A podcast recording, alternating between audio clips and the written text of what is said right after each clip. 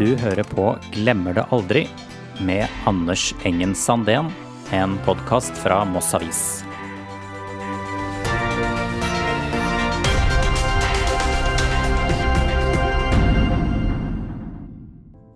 I denne dokumentaren forteller vi den dramatiske historien om da Norvard ble bombet 28.12.1944. Jan Erik Utberg var bare 15 år på den tiden, men det hindret han ikke i å jobbe aktivt i frigjøringskampen. Nei, du, da var jeg på Moss Glassverk. Og drev eh, som unggutt som, eh, med illegale aviser. Så var jeg med i det mm, bedriftsbrannvernet som ordonnans. Sånn at jeg fikk pass og kunne bevege meg hvor jeg ville hen under eh, flyangrep. Det tyske skipet Norvard lå på denne tiden til ankers i Mossesundet. Skipet var opprinnelig et norsk lastefartøy bygget i Malmö i 1925. Men ved krigens utbrudd ble Norvard kapret av nazistene og etter hvert ført til Norge og Mossesundet. Her lå det i flere uker mens det fungerte som forsyningsskip. Tidligere skipsingeniør ved Moss verft, Knut Næss, regnes som en av de fremste Norvard-kjennerne her til lands. Nei, den bare lå der som forsyningsskip. Så var den jo i Oslo av og til og, og kompletterte med forsyninger. Og, og, også en tur i Horten og kompletterte med, med uh, torpedo og ammunisjon. Men ellers så lå den jo konstant uh, slik at de tyske krigsskipene gikk opp da på siden av Nordvard og fikk, fikk da forsyninger om bord. I desember 44 drev britene en intens jakt på tyske skip i Oslofjorden. Blant hovedmålene var krysserne Köln og Emden, som begge var stasjonert i Horten. Ved flere anledninger kunne mossingene oppleve et massivt bomberegn over fjorden. Men britene lyktes ikke med angrepene sine. En dag like før nyttår fikk Utberg, som også var en ivrig radiotelegraf, beskjed av en kamerat om at noe stort var i ferd med å skje i Moss. Og så husker jeg det var da tidlig på kvelden så kom han nedover. Du Jansson, kom deg i kjelleren i kveld. Og så skal det gjøre. Det kommer til å bli et lurveleven over Moss som vi ikke har opplevd maken til. Men hold kjeft. Ja, for all del, sa jeg. Hva som deretter skjedde fjerde juledag 1944, har det blitt sagt og skrevet mye om. Men ut ifra hemmelige krigsdokumenter som Moss Avis har fått tilgang til, vet vi at britene hadde en nøye uttenkt plan. Å bombe de store tyske krigsskipene i Oslofjorden, i tillegg til å droppe forsyninger til de norske motstandsstyrkene.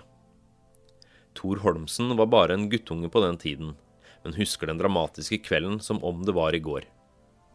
Når flyalarmen gikk, da var jeg inne. Jeg hadde ikke lagt meg ennå. Men da gikk fløy vi ut med en gang. Ut i gata for å se hva som skjedde. Og da så, hørte vi de der flya kom inn. Og de kom i veldig lav høyde. Veldig lavt. Slik at det var vanskelig nesten å se dem imot måneskinnet, for de kom så lavt inn. Og det var en fullmåne som jeg aldri har sett maken til.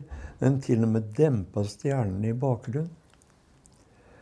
Og sto og så på dette fenomenet, og så gikk flyalarmen. Slik var hendelsesforløpet ifølge britenes krigslogg. Ved halv åtte-tiden tar et sekstitalls bombefly av fra England og setter kursen mot Norge. Et Mosquito-fly er med for å lete opp og markere potensielle mål. Ved halv tolv-tiden settes hovedangrepet i gang. Flyene slipper til sammen over 300 tonn bomber og treffer to ubåter og tre skip. I Mossesundet treffer britene Norvard med en real fulltreffer.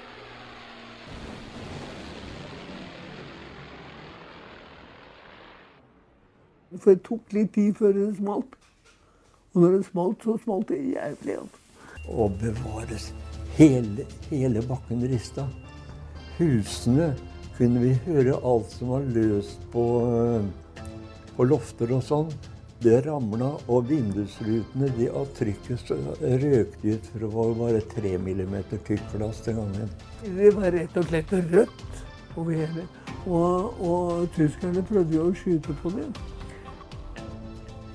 Etter at Norvard var truffet, vendte de britiske bombeflyene hjem til basen.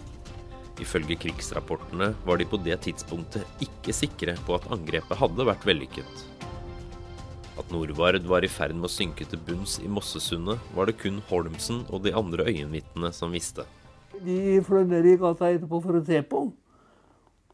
Da, men det gikk jo så fort, vet du, for det sank jo omtrent med en gang. Så øh, hørte vi skrik.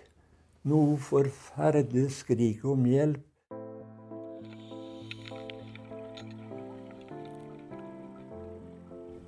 Hvor mange tyske liv som egentlig gikk tapt da Norvard ble bombet, er uklart. Ifølge tyske krigsrapporter ble ni personer bekreftet omkommet i angrepet. 28 personer fikk status som savnet. Men ifølge øyenvitner må de egentlige dødstallene ha vært langt høyere. Det som imidlertid er sikkert, er at det utspant seg grufulle scener i Mossesundet den natten. De hørte skriking av disse tyskerne. da. Ja, For det var mange liv som gikk tapt? Mange som gikk med det. Det er vel ingen som vet eksakt hvor mange? Nei, det vet de ikke. Men det var mange. Og noen svømte jo i land, vet du. Men øh, de skreik fælt. De tyske krigsdagbøkene forteller ingenting om hva som skjedde i dagene etter angrepet. Men flere mossinger har tidligere fortalt at de mange tyske likene ble kjørt til gymsalen på Kirkeparken og til Folkets hus, som ble brukt som sykestue av nazistene. Jan Erik Utberg glemmer ikke synet som møtte han på vei til jobb dagen derpå.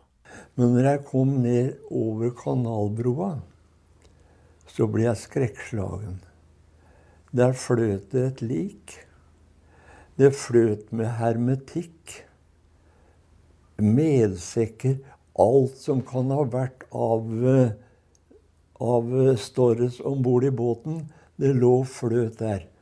Og det undra meg etterpå hvorfor ville ikke noen ta det opp.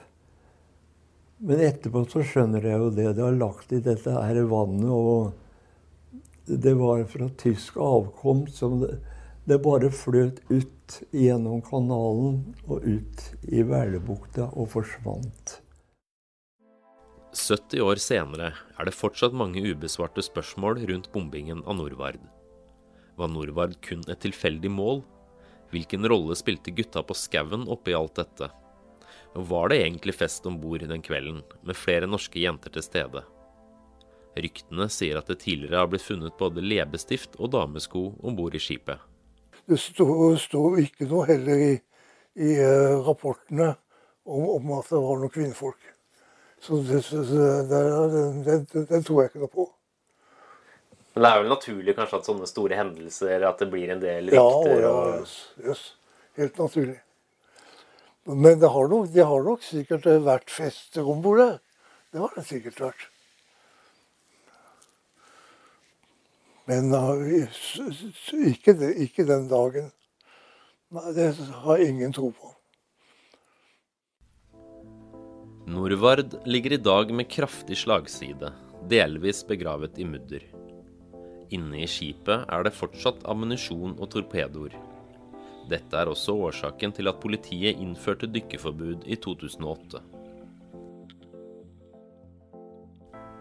Bombingen av Norvard vil alltid stå som en av de mest dramatiske krigshendelsene her i distriktet.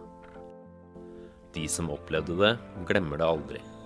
Senere, da, da kom tankene på alle disse her som ble drept. Familiene hjemme i Tyskland som ikke visste om dette her, osv. Og at krig var krig, fikk vi føle da.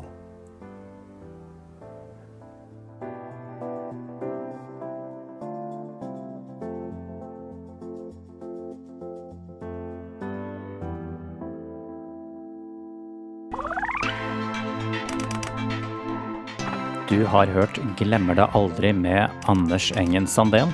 en podkast fra Moss Avis. Musikken var ved Kim Granholt.